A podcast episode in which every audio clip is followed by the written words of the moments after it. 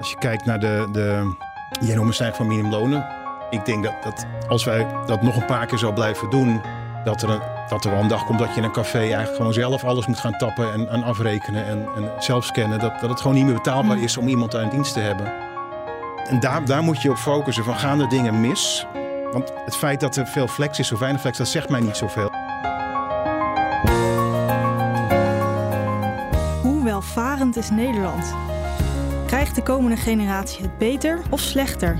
ESB zoekt het uit in Welvaart, de brede podcast. Samen met onderzoekers, beleidsmakers en politici. Welkom bij aflevering 14 van de ESB brede podcastserie over welvaart. We naderen het einde, maar een aflevering over werk en de arbeidsmarkt mocht toch echt niet ontbreken. In de studio hebben we daarvoor Pierre Koning, hoogleraar arbeidsmarkt en sociale zekerheid aan de VU. En eh, oorspronkelijk zou ook uh, Tim Huids, hoogleraar Positive Health at Work uh, aan de Universiteit van Maastricht er zijn. maar het, het, het, lot wil helaas dat hij nu net ziek is geworden. Ehm, maar ja, goed, gelukkig heb ik ook nog iemand anders in de studio en dat is mijn sidekick Marcel Canois. Um, Marcel, arbeidsmarkt en brede welvaart. Vertel. Ja, ik vind het op zich wel weer ironisch dat iemand met een leerstoel Positive Health at Work ja. de aflevering datum ziek is. Maar daar kan natuurlijk arme man natuurlijk ook niks aan doen. Nee. Uh, moet alleen zijn leerstoel nu eventjes een andere naam geven. Maar goed, dat is, uh, dat is maar even zo. uh, ja, uh, ja, het geinige van de arbeidsmarkt vind ik dat je zowel kunt bepleiten dat het glas half vol is, als dat het half leeg is. En ik wil graag weten, ja, hoe, hoe moeten we die glazen nou zien? En waarom? En hoe kunnen we ze beter vullen? Ja, ja, nou wel een beetje gevaarlijke beeldspraak, Marcel, uh, in tijden van dry January. Maar goed, uh, Pierre, half vol of half leeg als het gaat om de arbeidsmarkt? Dat is wel grappig. Toevallig zat ik net in de trein en toen keek ik nog eens naar, inderdaad, hoe staat het nou met die arbeidsmarkt? En toen dacht ik, het eerste woord wat mij te binnen schoot was dat die half vol is. Of meer, meer dan half vol zou ik bijna zeggen. Het gaat best goed met de arbeidsmarkt. En wat mij vooral het meest verbaast heeft, ook weer uh, is dat, dat nieuwe groepen uh, mensen die zich aandienen op de arbeidsmarkt vrij massaal hun weg vinden. Uh, dat is toch vrij positief nieuws steeds. We hebben bijvoorbeeld, nou, om een voorbeeld te noemen, als je kijkt 20 jaar terug naar de arbeidsdeelname van ouderen, ja. was er veel te doen over van ja, hoe ver kun je dat oprekken? Mm -hmm. nou, we zijn eigenlijk ja, vervolgens een proces ingegaan en aan het eind van de dag zie je dat bijna iedereen doorwerkt tot zijn 65, 66, 67ste. Uh, en dat, en dat nog ZZP'er worden daarna. Eh. Ja, precies. Ja. Uh, dus, dus, dus er wordt heel veel gezegd over ja, de kwalijke effecten daarvan. Maar dat is volgens mij bijna een soort, soort bijeffect waar, waar je rekening mee moet houden. Maar de hoofdboodschap is toch dat heel veel mensen de weg hebben gevonden in de arbeidsmarkt. Dat geldt ook voor vrouwen. Um, en ook aan de onderkant van de arbeidsmarkt zijn toch best wel wat mensen die de weg naar, naar werk hebben gevonden. Dus we zitten altijd we hebben altijd te, te maken met uitdagingen. Ja. Uh, maar als Wat zijn die dan vooral?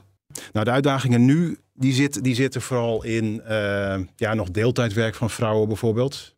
Uh, en ja, bij ouderen zou je nog iets verder kunnen gaan volgens mij. Dus er liggen daar mogelijkheden, veel meer dan, dan, dan misschien eerst voor mogelijk werd gehouden. Mm -hmm. als je kijkt in termen van arbeidsaanbod. Dat, dat zijn belangrijke. Ja, de onderkant van de arbeidsmarkt moet ik misschien later wat langer over hebben, want dat is een iets, ja. iets, iets ander verhaal. Ja, ja. En um, wij hebben het in deze serie ook vaak gehad over in hoeverre zijn bepaalde dingen nou maakbaar uh, of niet. En ik kan me voorstellen, in jouw vakgebied krijg je daar vast ook wel mee te maken. Um, en in hoeverre heb jij het idee dat zeg maar, het sleutelen aan, aan de arbeidsmarkt en mm, ja, wellicht ook zeg maar, de effecten die je daarmee wil beogen, is dat nou iets, iets, iets wat je echt maakbaar is of, of valt het tegen? Um, ik denk dat beleidsmakers best wel invloed kunnen hebben uiteindelijk op de arbeidsmarkt. Maar maakbaarheid in de zin van ik creëer een baan en daar komt iemand op te werken. Uh, uh, en iedereen is blij. Dat, ja, dat, daar geloof ik niet zo in. Uh, als je kijkt naar de manier, of, of, de manier waarop ik naar de arbeidsmarkt kijk, is dat er verstoringen kunnen zijn. Die ervoor zorgen dat, dat het onaantrekkelijk is voor mensen om te werken. Of dat je een beslissing neemt. Dat je dus niet eigen goede beslissingen neemt, omdat, het, ja, omdat de kosten en de baten die daarmee gemoeid zijn niet in overeenstemming zijn met elkaar. En ik denk dat je als overheid ervoor moet zorgen om dat soort beslissingen zo, zo neutraal mogelijk te maken. Uh, nou, jij zegt, om maar weer terug te gaan in het verleden, was het zo dat veel mensen werden uh, ontmoedigd juist door overheidsbeleid om, uh, om te werken. Daar is daar gesleuteld. En langzamerhand zie je dat, dat op die manier de arbeidsmarkt beter kan gaan werken. Ja, ja. ja misschien, misschien wel, nou ja, goed, enorme krapte nu op de arbeidsmarkt. Mm -hmm. dus misschien wel te ver doorgeslagen dan, of niet? Um, de, wat is ver doorgeslagen? Nou ja, dat het zo effectief is dat, dat er nu een krapte op de arbeidsmarkt is. Ja, maar dat, dat is meer een vraagverhaal natuurlijk. Ja. Um, kijk, uh, het is effectief geweest in die zin dat er veel arbeidsaanbod is aangeboord. Ja. En je komt nu in een, in een soort zone terecht dat je weet dat de meeste keuzes die mensen maken nu beter in balans zijn. In die zin dat, dat, dat ga ik doorwerken of niet bijvoorbeeld. Uh, de kosten daarvan werden vroeger afgewenteld vaak op jongeren. Dat is in veel mindere mate het geval. Uh, dat betekent uh, dat er niet zoveel meer te winnen is. In die zin dus dat je, uh, dat je nog gaat proberen mensen echt te stimuleren, fiscaal of, of, met allerlei zaken, om mensen langer door te gaan laten werken. Ja. Um, die krapte, um, ja, dat is inderdaad een probleem. Ik denk dat die wel ervoor gaat zorgen dat uh, uiteindelijk mensen uh, indirect langer door gaan werken. Daar hoeft de overheid denk ik niet, niet eens zoveel aan te doen. Oké. Okay. In die zin dus dat ja, als mensen gewilder worden, als de krapte ontstaat, dan, ja. dan, dan dan worden ze, uh, uh, dan neemt hem ja, de waarde van die mensen omhoog als het ware. Dus ja. behoefte aan. Mm -hmm. En wordt het ook aantrekkelijker om door te werken bijvoorbeeld. Ja. Uh, maar voorlopig zullen we wel met krapte van doen hebben in die zin dat, dat, ja, dat er gewoon vacatures zullen zijn. Ja. Ja. Oké. Okay. Nou, um, ik ben als sidekick natuurlijk ingevlogen als deels ook als homo provocatus. Dus um, Ik weet natuurlijk dat jij uh, micro-econometrist bent. En dit is natuurlijk een serie over brede welvaart.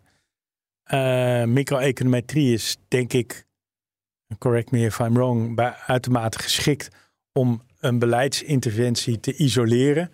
En om te zeggen van, nou oké, okay, uh, ik ga toetsen of mhm. die interventie uh, tot het gewenste effect heeft geleid. En dat is dan het geval. Um, zou, zou je kunnen zeggen dat de uitdaging voor een micro-econometrist op de arbeidsmarkt, is om de implicaties van interventies wat breder te zien dan alleen bijvoorbeeld de kans op werk of uh, de hoeveelheid uren die mensen werken.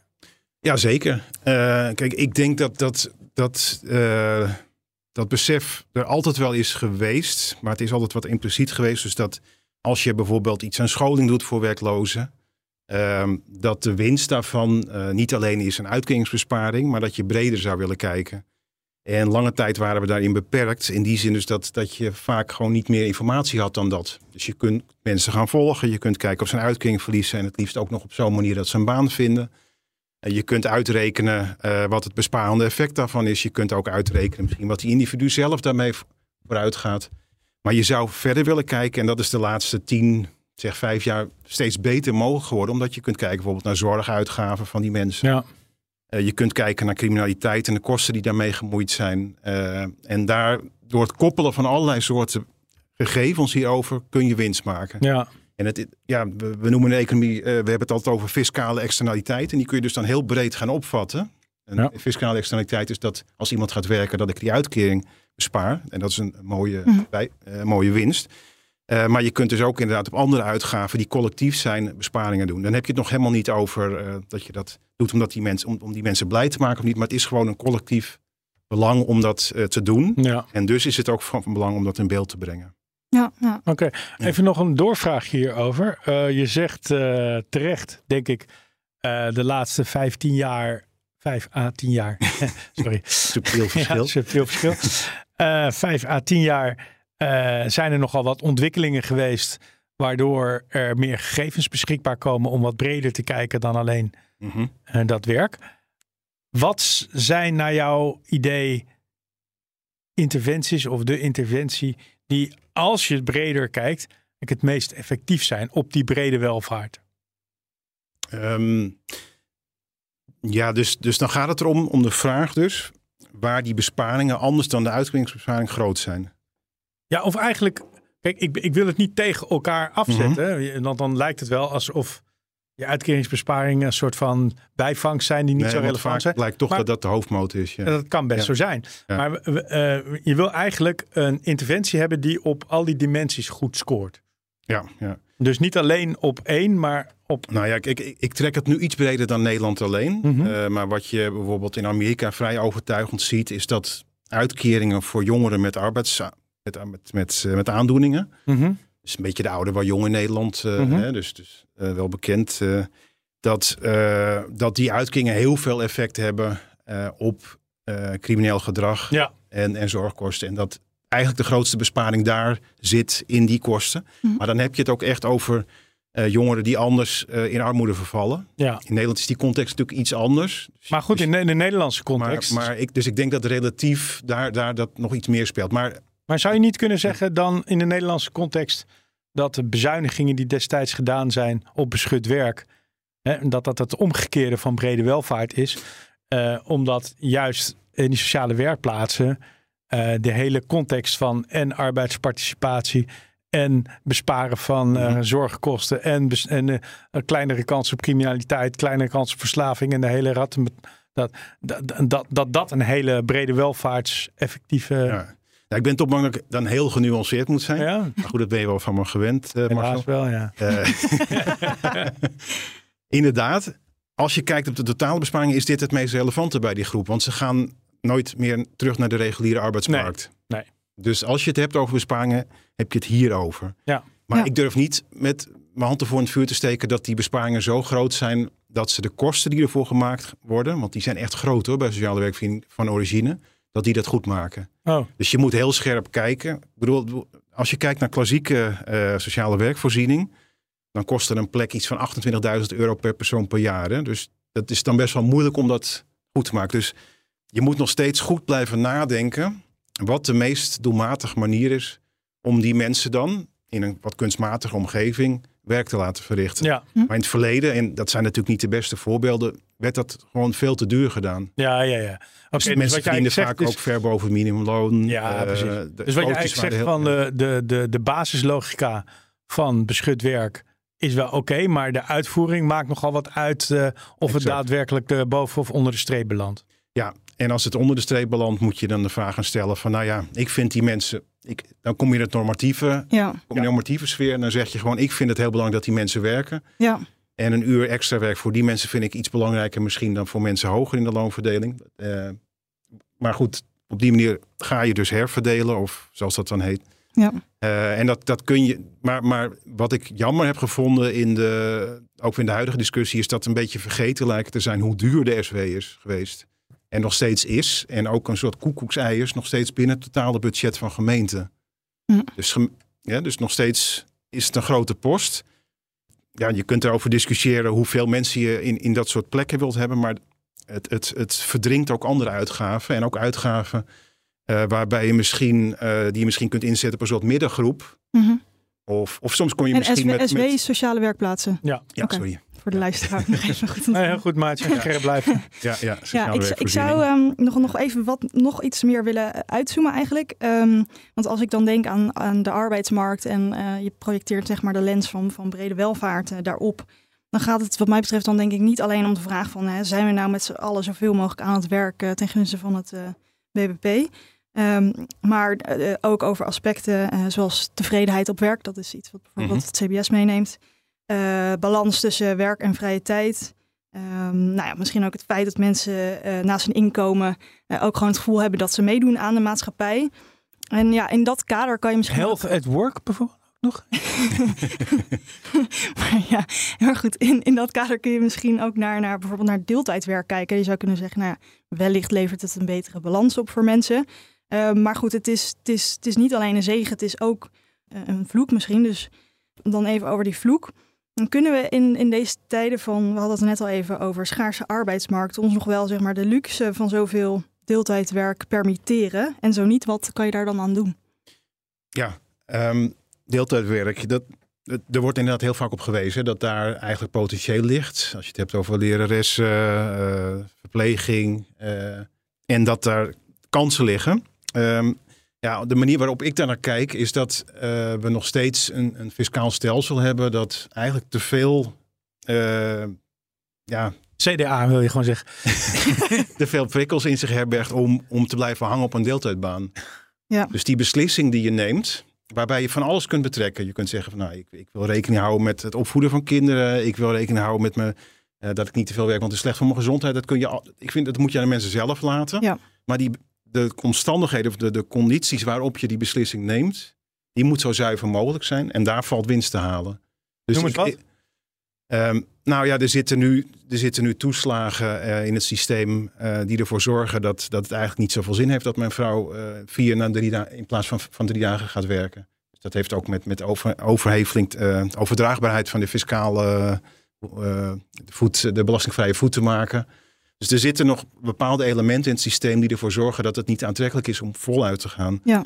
Dus daar moet je naar kijken en dan kun je allerlei discussies voeren over gezondheid, stress. eh, maar ik vind, ja, om dat te gaan meten, dat, of dat nou zoveel oplevert, weet ik niet. Laat mensen gewoon zelf beslissen, maar dan wel dat het een zuivere beslissing is. Ja, maar als je die prikkels dan, dan, dan zou, eh, ja, en ja, goed zou zetten tussen aanhalingstekens, eh, en als het dan niet genoeg oplevert. eh, levert het dan wel wat op? Misschien willen mensen Ik gewoon alsnog gewoon wel- in deeltijd blijven werken bijvoorbeeld. Ondanks dat je de dat prikkels zou kunnen. Maar ja, dan, dan zit je op eh, brede welvaart. Dan denk ik van, nou, dan, dan, dan zij het maar zo. En als de krapte heel sterk blijft, dan gaan op een gegeven moment lonen stijgen. En misschien worden mensen alsnog dan over de drempel geduwd. Maar laat dan de economie maar zijn werk doen. Ja, Ja, dat klinkt misschien heel eh, flauw, maar, maar nee. ja. Nou, ik heb ooit wel eens een column geschreven dat het de welluidende titel part-time partypoeper had. Ik had ze kennelijk in een erg allitererende bui toen. Maar ehm, in de, de, de, de sector waar het meest parttime gewerkt wordt en waar de meeste vrouwen werken is de zorg. En daar is ook de hele zorgsector zelf ingericht op parttime werk. En dat Ja. is een andere... is wel eh, een goed punt. Ja. Dat, dat, de, de instituties zijn er zich er ook helemaal naar gaan vormen. Ja, dus je kunt. Dus, dus je hebt ook eh, het zo ingericht dat bijvoorbeeld in het onderwijs. Men, ouders of de docenten ervan uitgaan dat eh, vooral moeders woensdag en vrijdag beschikbaar zijn. Precies. Als je in een tennisclubje zit, dan is dat woensdagmiddag of vrijdag. Want ze gaan ervan uit dat je dan beschikbaar bent. Dus dat, dat, die hele schil Hopeloos. is. Dus, dus je moet inderdaad wel iets Ik meer doen dan zondag alleen die, die prikkel weghalen. maar dat is het eerste wat de overheid zou kunnen, eh, zou, naar zou moeten kijken, denk Ja. ik. Maar een- eens, dit, dit, het maakt het wel wat hardnekkiger en, en met een duur woord eh, padafhankelijk. Maar uiteindelijk eh, ja, zou, je dat, zou dat dan als vanzelf langzaam eruit moeten Ja. gaan. Als ik ook kijkt een beetje meer naar aspecten zoals eh, emancipatie, dan ja, je zou ergens kunnen zeggen van deeltijdwerk heeft misschien toe geleid dat in ieder geval veel vrouwen deel hebben genomen aan de arbeidsmarkt. Maar als je dan kijkt naar ja, voor de topposities, toch het idee eh, dat je misschien dan wat me- meer uren wil maken, eh, is Ja. het misschien weer een nadeel. Hoe, hoe zie je dat? Nou ja, ik, ik denk dat wel eh, een, deel- een een belangrijk deel van het feit dat vrouwen onderbetaald worden te maken heeft met dit punt. Dus dat, ze, dat je binnen een deeltijdbaan eh, moeilijker, eh, moeilijker promotie kunt maken. En som, sommige beroepen is dat wat makkelijker, maar ik denk op heel veel plekken, ik bedoel, als ik kijk naar waar ik zelf werk in de wetenschap, kun je wel zeggen ik ga een deeltijd werken, maar uiteindelijk moet je gewoon zoveel publiceren. En dan zal die referee of eh, aan de andere kant van de oceaan niet denken van, oh dat heeft hij in 80% of 60% van de tijd gedaan. Wat knap. Dus die, die rekent jou er gewoon op af. En dat, dat, dat, dat doet de markt uiteindelijk ook. Eh, Ja. dus, dus je Je zult kan, wel. je kan best in deeltijd werken hoor. In de wetenschap weet ik uit eigen ervaring. Pierre. Oké, eh, maar, je, je, maar oké. maar Ik je, kon er niet, je kunt er niet zo instappen. Nee, Zeker in het begin van je carrière. Als, je, als je die stappen eh, voorwaarts wil maken, is het, is het een ingewikkeld Nee, dat verhaal. snap ik. Ja, En dit is ook precies de reden dat vrouwen vaak afhaken. Ja. eh, omdat ze dan dingen gaan combineren. En ja, de andere kant eh, eh, zegt dan van ja, het is gewoon niet genoeg. Ja, het, het is heel flauw. Ja. Eh, Maar als, je, eh, als we even nog terugkijken en even abstraheren van eh, vrouwen versus mannen en deeltijd. Mhm. eh, en we kijken naar die krapte op de arbeidsmarkt. Zou je ook nog kunnen zeggen van nou, als we, eh, eh, zelfs met de huidige instituties waarvan je zelf zegt eh, dat ze voor een deel beperkend zijn, fiscaliteit eh, en anderzijds, zie je dus dat ouderen redelijk massaal de arbeidsmarkt op zijn gekomen. En dat daar nog helemaal niet de grens is bereikt. Precies. Zeker omdat ouderen, er steeds meer ouderen komen die ook relatief fit zijn. Ja. Is dat dan niet eigenlijk een logischere nou, route eh, voor, eh, voor de eh, krappe arbeidsmarkt dan vrouwen met geweld eh, het huis uitjagen? Nou ja, kijk, bij, die, bij vrouwen en, en deeltijd dat punt, we hadden het er net eigenlijk over, zou ik zeggen van haal die drempel weg en kijk dan wat er gebeurt. En inderdaad, verwacht ook geen wonderen daarvan. Uh, precies dat, dat punt van die ouderen, dat heeft me meer verbaasd. En het verbaast me nog steeds hoe massaal men in staat is om door te werken. En, en ook de condities erna geschapen worden. We zien af en toe ja, berichten uh, bij UWV dat de instroom van ouderen in, in de WIA wat is opgelopen. Maar het is, het is niet in verhouding tot die enorme groep mensen die de arbeidsmarkt op is gekomen. En ja, natuurlijk hebben ze een wat hoger risico. Maar dan zitten ze, en, en, maar dan zitten ze er een paar jaar in en dan ga je met pensioen. Ja. Uh, dat, zijn, ja, dat zijn niet echt uh, hele groot, grote effecten.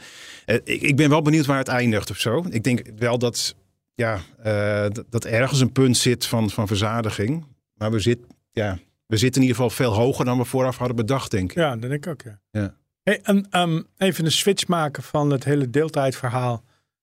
Uh, je zou eigenlijk eenzelfde soort verhaal als je over deeltijd houdt. Van ja, uh, is het goed, is het slecht, wat kun je eraan doen, uh, et cetera. Zou je kunnen houden voor het fenomeen ZZP'ers. Want wij zijn niet alleen maar wereldkampioen deeltijd werken. Maar we zijn ja. ook wereldkampioen ZZP'ers. Het is niet helemaal hetzelfde, denk ik, maar misschien iets soortgelijks.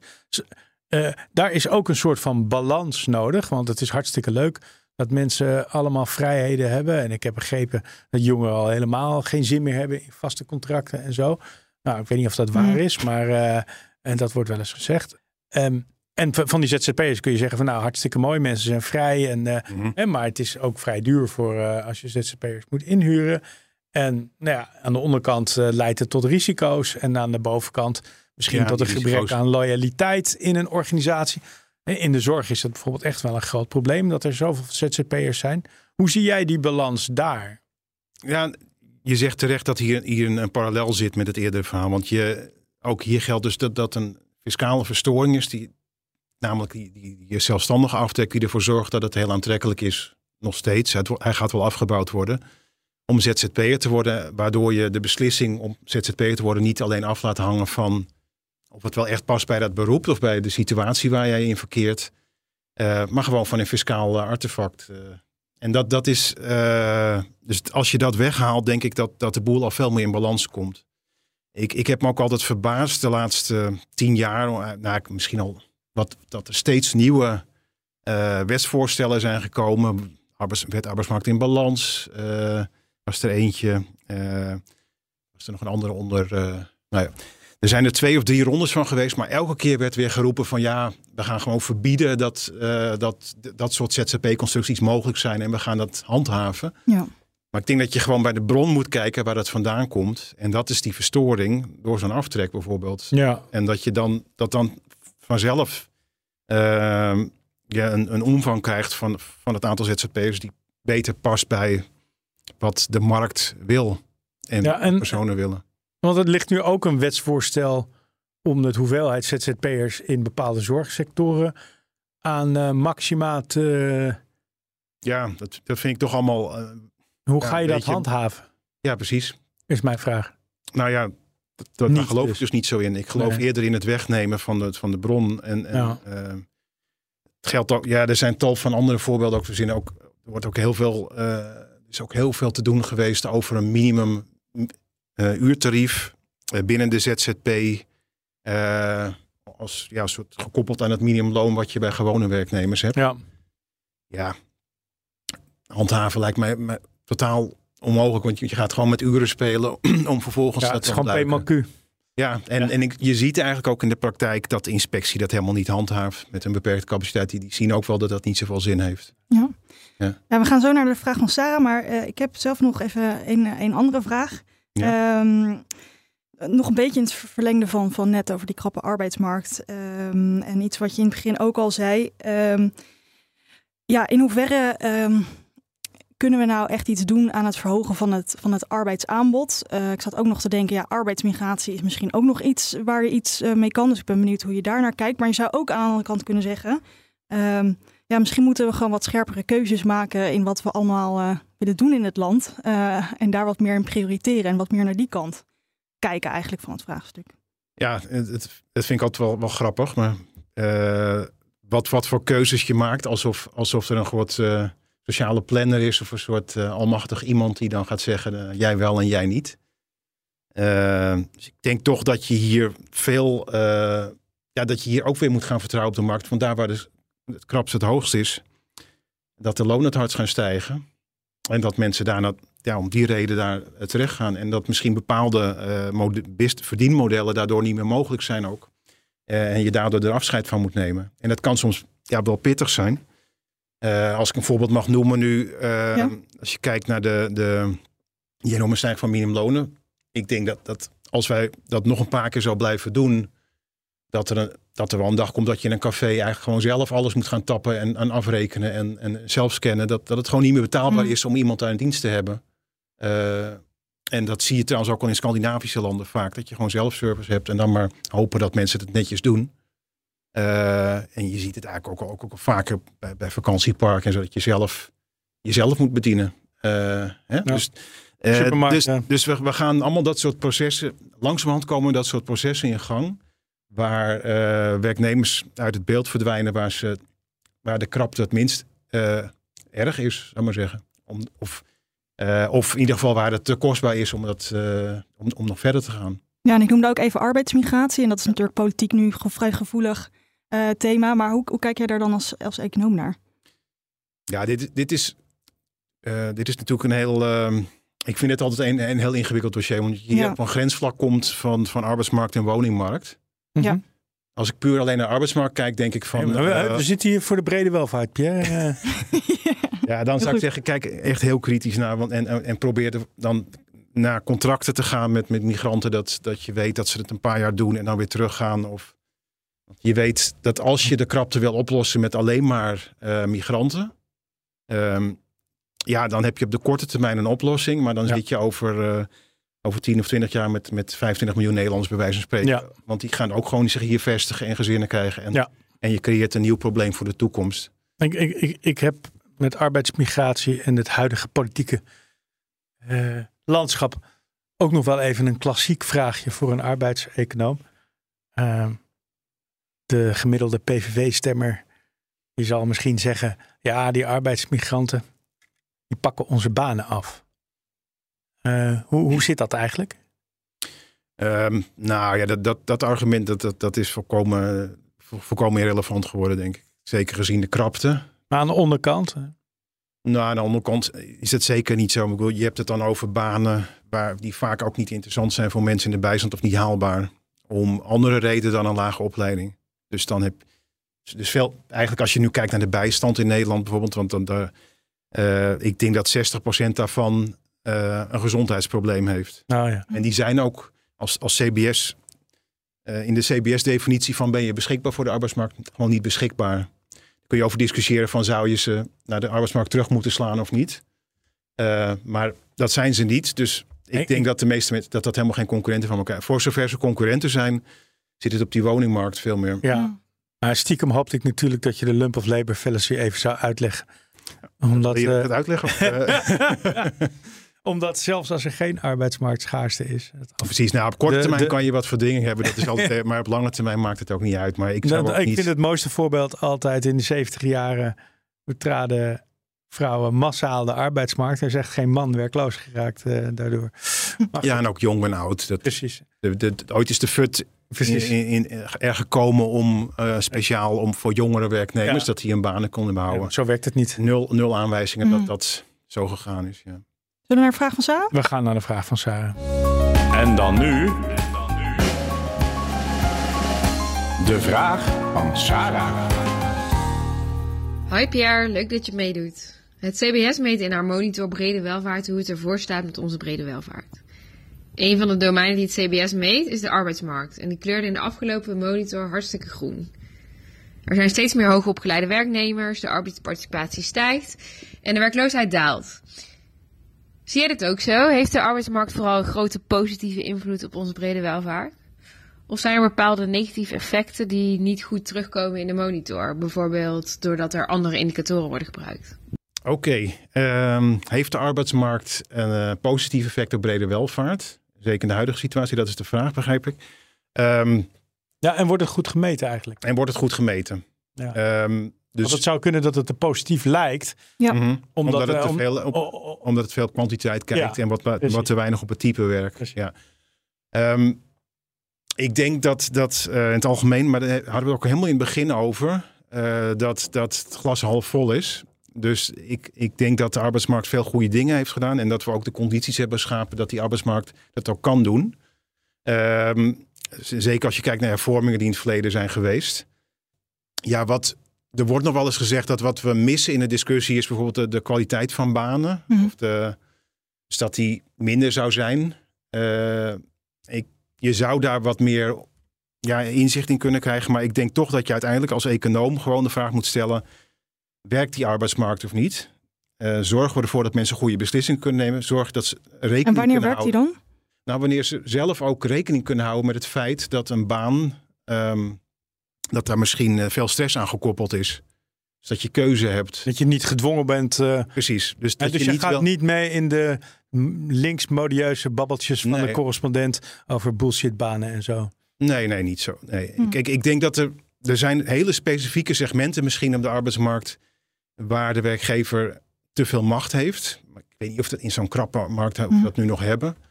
Eh, misschien had je dat tien jaar geleden meer. Eh, dus dat die werkgever zoveel macht heeft dat hij jou eh, kan onderbetalen. Ehm, dat jij eh, niet naar het toilet kan terwijl je werkt. Eh, dat, dat, dat- die Ja. Amazon-verhalen.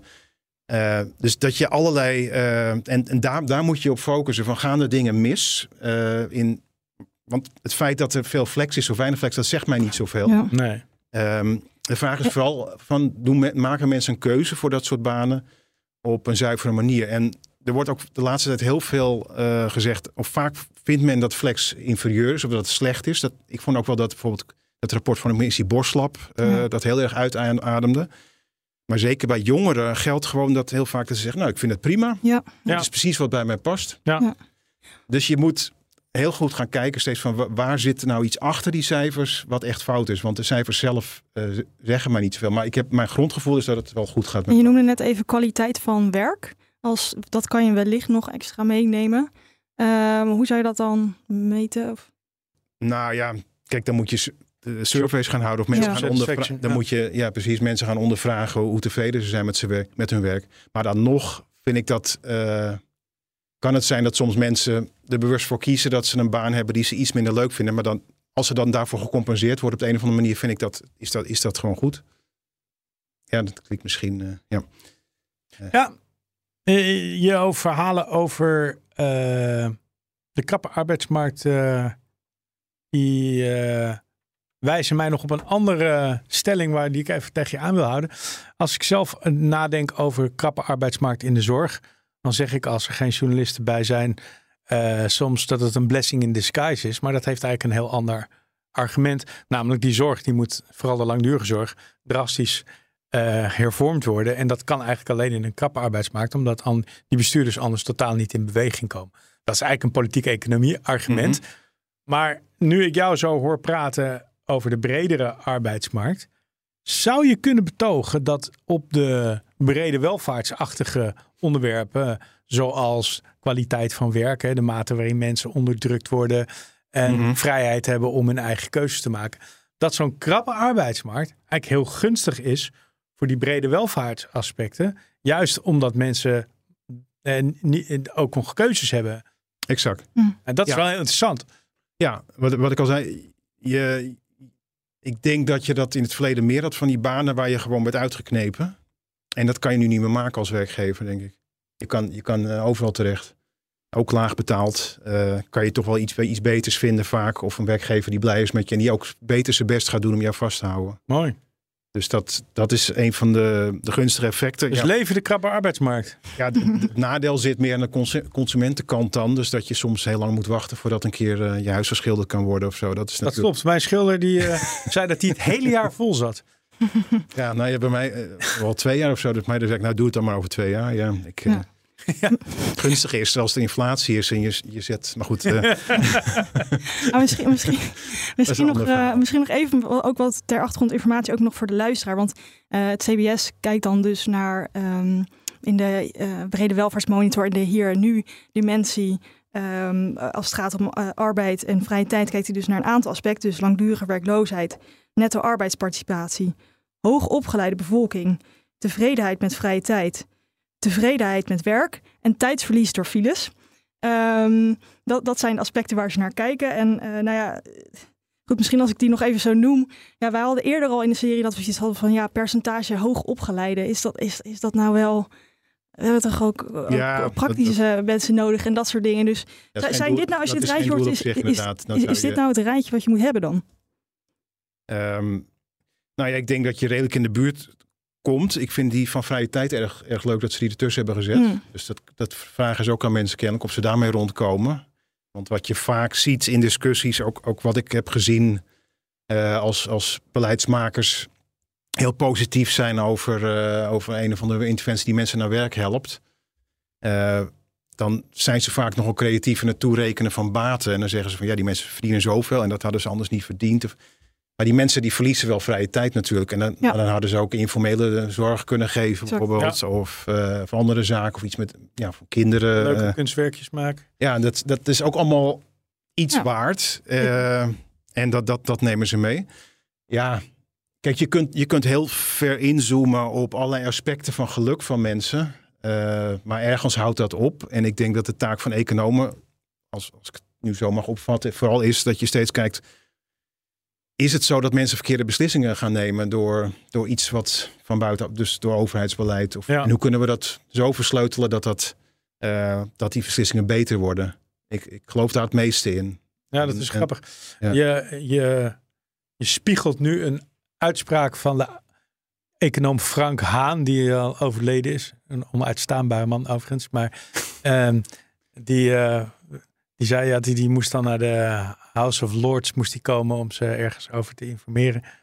En toen zei hij eh, van, oh, is dat eh, goed dat economen zoveel invloed hebben in de Engelse politiek. Nou, hij zei, daar moeten we toch bescheiden over zijn. Het enige wat ik doe is van de grootste stupiditeiten verhinderen. En meer Ja. kan ik niet doen. Nou, toch wel een aardige man, toch? Dan In kan, je, ieder geval een, eh, kan je vele verhalen over Frank Haan vertellen, maar dat ga ik niet doen. We gaan een beetje afronden. Eh. Marcel, eh, heb jij nog wel ook een mooie slotvraag? Ja, ik ga eh, Pierre confronteren met heel goed nieuws. Namelijk eh, voor deze vraag, hel- helaas alleen. Je hebt geen last van universiteitspolitiek, dus dat is alvast eh, fijn. En je hebt alle snoepdata die je als micro-econometrist wil. Gewoon alles. En je hoeft niet urenlang te wachten op eh, trage CBS-computers en alle, allerlei andere shit. Ehm, wat is dan de arbeidsmarktvraag waar jij je tanden in gaat zetten? Oeh. De, de, de, de belangrijkste. Nou ja, wat ik toch wel. Wat, wat denk ik een van de meest relevante is nu, is. ehm, dus dan kijk ik toch vooral naar relevantie en misschien wat minder mijn eigen, eigen preferenties. Maar ik denk dat het een hele belangrijke is. Dat is dat we nu het minimumloon flink aan het opschroeven zijn. En ik ben gewoon heel erg benieuwd wat dat nou doet eh, voor de onderkant van de arbeidsmarkt. En we hebben nu vaak een heel beperkt zicht op, dat we zeggen, dit zijn werklozen en dat loopt wat op en dat valt wel mee steeds. Maar er zit ook iets onder het tapijt. En ik zou willen weten wat daaronder zit. Dus voor wie dat, die er echt ver onder zitten. eh, en wat je daaraan kan doen. Eh, en, en ook wat, je, eh, ja, wat mogelijk is om mensen onder het minimumloon te wer- laten werken. Ja. Ja, dus dat, ik, ik denk dat we daar naartoe moeten. Want het, wat we toch, ja, nu, nu lijkt het door het krapte dat alle problemen opgelost zijn. Maar er zijn gewoon best wel grote groepen mensen. Ik noemde net die 60% in de bijstand. Die komt daar gewoon niet uit. Althans Ja. niet eh, met een reguliere baan. En En, en, En hoe kom je dan ook weer in discussies over negative income tax en dat soort dingen? Basis. ja, nou, loonkostsubsidies. We weten er gewoon heel weinig over hoe dat nu werkt precies. De gemeenten gebruiken het wel eens, maar veel te weinig, denk ik. Dus die schatten in van wat kan iemand verdienen. Wat, eh, dus wat hebben we nodig om dat- dat dat gat te overbruggen. Eh, er is daar gewoon weinig zicht op. We, economen hebben het vaak over werkloosheid. Maar vergeten daarbij dat je ook die inactieve groep hebt. En de- wie dat precies zijn, wat de problemen zijn die ze hebben. eh, hoe je ze kunt bereiken. Wat, in, wat of een loonkostsubsidie werkt. Hoe dat precies gaat. Dat, daar is gewoon weinig over bekend. Voor Nederland zeker. Oké. Hmm. Ook, ook bijvoorbeeld de vraag. Zijn het mensen die echt niet kunnen werken? Of zitten Ja. er toch nog mensen bij die, die het eigenlijk wel... eh, die het niet willen? Ja, dus als jij... eh, Ja, ja, het is een hele oude vraag eigenlijk, maar nog steeds Ja. hebben we Ja, daar we weinig gaan- zicht op. We gaan nog, Maartje gaat nog even misbruik maken van het feit dat je ook een eh, achtergrond hebt in beleid. Want je hebt een tijdje gewerkt bij het ministerie van Sociale Zaken. ja. Maartje. Ja, nou ja. ehm, nou, stel, we maken jou de, de toekomstig eh, minister eh, van, eh, van Sociale Zekerheid, Werkgelegenheid Sorry. en Brede Welvaart. Voeg ik er nog maar even aan toe. Dat gaat niet naar een staatssecretaris. Nee, nee, nee. Wat, ehm, ja, wat, wat, moet je dan, wat zou je dan echt als eerste en als prioriteit oppakken? En dan niet hetzelfde antwoord geven als net Nou natuurlijk. ja, ofwel, maar dan met een oplossing. wat, wat zou prioriteit hebben? Oeh. Ja, ik, ben, ik denk dat heel veel deel van de arbeidsmarkt redelijk werken dus. Eh, en dat je toch weer zit op die vraag over die onderkant. Ja, Ja. Ja, sorry, de, sorry Nee, Marcel, maar ik denk toch dat je daar... Maar dat, het heeft ook wat met de achtergrond te maken waar ik veel op, ge- op gewerkt heb. eh, dat daar de problemen nog steeds het grootst zijn. En dat je daar eh, nog steeds, dat op de een of andere manier het nog niet goed van de grond komt eh, om problemen aan te pakken. Maar je zegt dus ook eigenlijk dat we eigenlijk nog niet genoeg weten wat die on- ongetwijfeld uiterst heterogene verzameling mensen die dan in jouw terminologie onder het tapijt, het is misschien niet zo prettig van ze dat ze onder het tapijt Ja, vertoeven, maar ja, aan de onderkant is de onderkant. Dus Ja. ehm, ja. Ja, dat, we daar eigenlijk niet, niet genoeg over weten wat, we, wat effectief beleid ja, nou heel lang is gedacht van als we maar genoeg eh, druk erop zetten, dan eh, gaat die gewoon naar de arbeidsmarkt. ja, dat is naïef. Nou, dat ik denk dat je dat moet loslaten. Maar ja, je wil ook niet dat je het zodanig loslaat dat, dat je dat dat je een Dat je ze hele vloed opgeeft. over, dat je ze opgeeft of een hele Ja. vloed over je heen krijgt van mensen die zeggen, oh, dat vind ik eigenlijk ook wel fijn. ja. Ja, Eh, dus je, je wil daarna naar oplossingen gaan zoeken. Er zitten ook mensen tussen die, die schuldenproblemen hebben. Ook zo'n, dat, dat zijn hele complexe problemen. En, en vanuit beleid is het heel ingewikkeld om daar een, een, een eh, grip op te krijgen. Maar Is het eigenlijk niet zo Ehm. dat, dat dit beleid geen arbeidsmarktbeleid is, maar ander beleid, schuldenbeleid, sociaal beleid, gezondheid. Ik weet, Ja, werk is wel vaak de, de eerste oplossing. En daar zit dan weer achter van wat heb je nodig om, om het werk eh, Ja. in gang te zetten. juist. Dus, maar eh, eens, het zit op meerdere ministeries en dat maakt het ook zo ingewikkeld.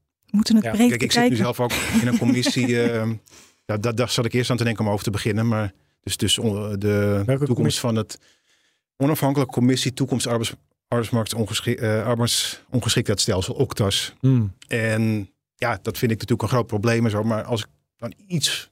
Dat gaat over ja, problemen met eh, het huidige stelsel, waar niet iedereen eh, mee kan. ZZP'ers zijn niet verzekerd. Maar ook zijn er problemen met eh, dat de instroom weer oploopt. Nou, het is een hele kluwe van problemen waar wij ons op, buigen. Dat, maar ik moet eerlijk toegeven dat ik meer denk dat het probleem aan die onderkant zit. Oké, Ja. mooi. Ja. Of nou ja, eigenlijk niet mooi, maar eh, hopelijk eh, eh, Ja, de nieuwe minister gaat daar, gaat daar, Ga- gaat daar oplossen. inzetten, gelukkig. exact. Eh dankjewel eh, Pierre en natuurlijk ook eh, Marcel. Ik heb weer een hoop geleerd en ik hoop de luisteraars ook. Maar ik heb voor onze luisteraars nog een andere aankondiging. Eh, op 9 februari houden we namelijk onze slotaflevering. Waarin wij, de drie hosts, terugblikken op de serie. En vooruitkijken als het gaat om de toekomst van brede welvaart in wetenschap, beleid en de samenleving. Eh, daarvoor hebben we als sprekers Alexander Rinoy Kan, Jasmine van der Straten, Robert Deur, Michel Scholte en Marcel Timmer. En eh, deze opname gaan we doen met publiek in Utrecht en u kan daarbij zijn. En Pierre ook. En Pierre hopelijk ook. Eh, u kan zich eh, aanmelden via het eh, formulier op de website van ESB. En het linkje met meer details over het event die, zal ik ook even bij de show notes van deze aflevering toevoegen. En ik hoop dan een aantal van de luisteraars daar te Ja. zien. En sommige van de sprekers hebben al aangekondigd daar pikante uitspraken te doen. Precies, precies. Oké, tot dan.